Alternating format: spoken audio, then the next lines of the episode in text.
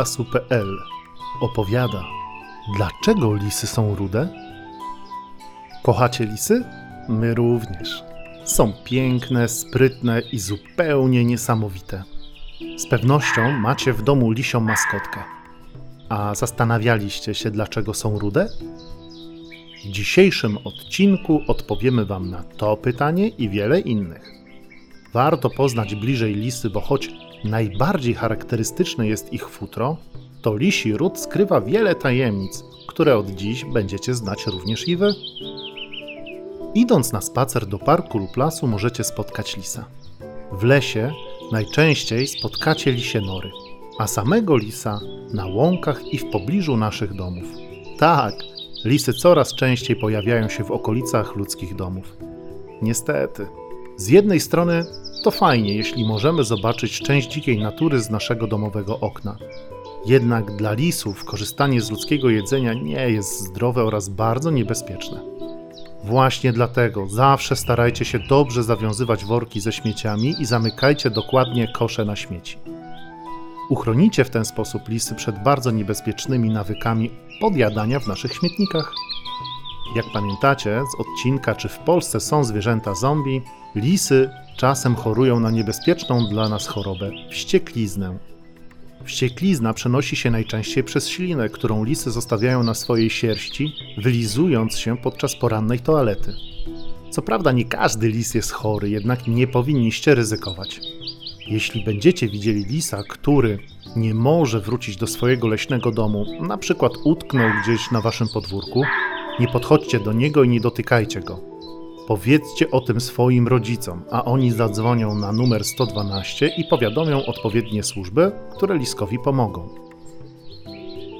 Lisy to kuzyni naszych domowych psów, choć bardzo się od nich różnią.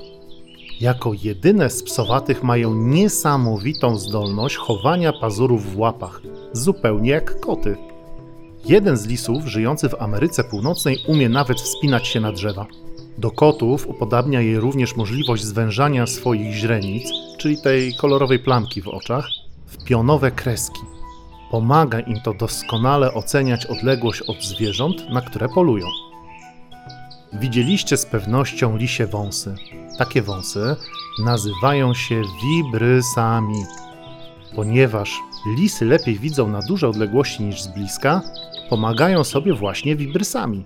Są one bardzo czułe na dotyk i pomagają lisowi robić różne rzeczy pyszczkiem. Ale lisy mają również wybrysy na łapach. Serio, niesamowite, prawda? Tylko po co im te delikatne wąsy na łapkach? Okazuje się, że dzięki nim lis po skoku, podczas lądowania, czuje, czy musi wyciągnąć swoje pazury, czy może pozostawić je schowane. Widzieliście kiedyś piękne lisie uszy? No pewnie, że tak. Lis potrafi nimi obracać właściwie w każdą stronę. Lisi słuch jest doskonały. Potrafi usłyszeć pisk myszy z odległości nawet 100 metrów, czyli mniej więcej z odległości równej długości boiska piłkarskiego. Dzięki swoim uszom lisy są doskonałymi myśliwymi. Potrafią usłyszeć odpoczywające ptaki nawet z odległości 500 kroków. Lisy są również bardzo dobrymi skoczkami. Podczas polowania potrafią skoczyć nawet na wysokość 2 metrów, czyli w naszym domu mógłby podskoczyć prawie pod sufit, aby zaskoczyć swoją ofiarę.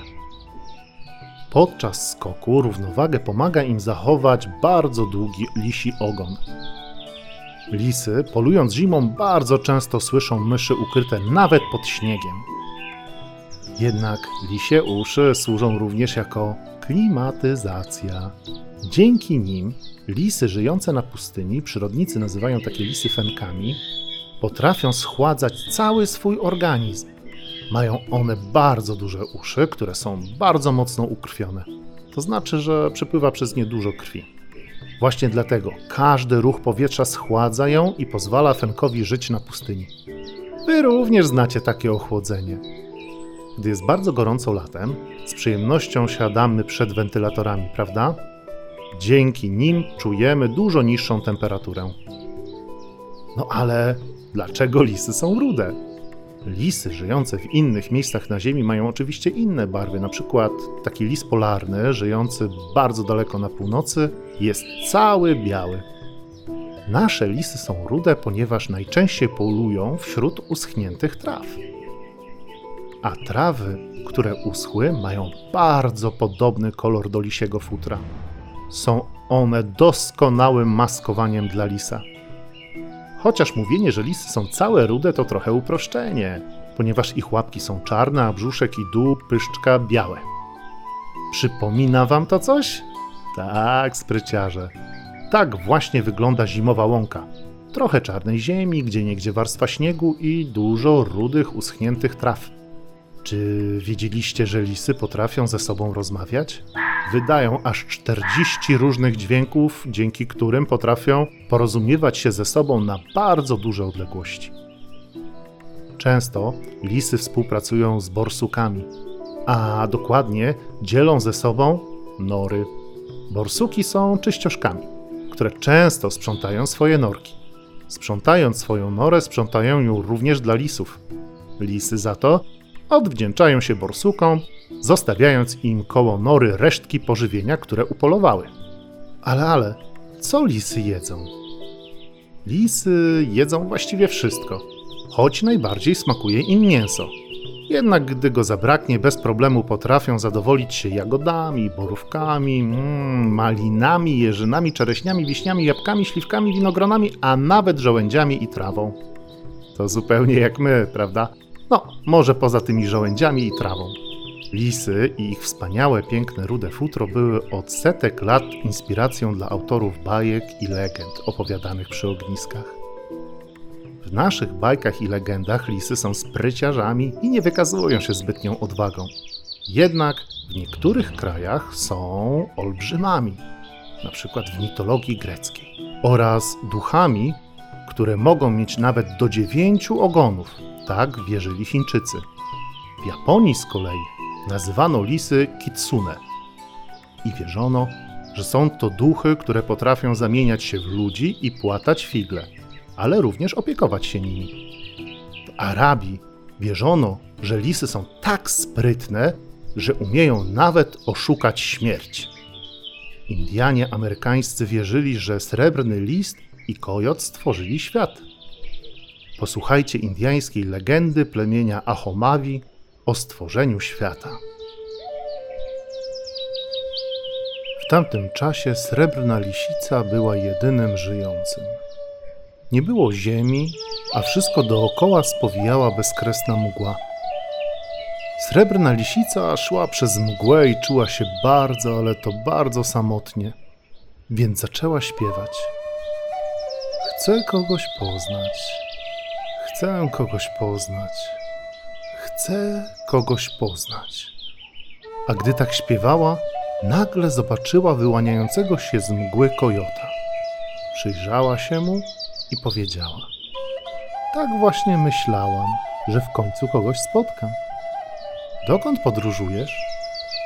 Ale kojot tylko powtórzył jej pytanie: Dokąd podróżujesz? Dlaczego tak podróżujesz? Srebrna lisica odpowiedziała ze smutkiem w głosie: Podróżuję, bo jestem samotna. Na co kojot powiedział: Ja również się włóczę samotnie.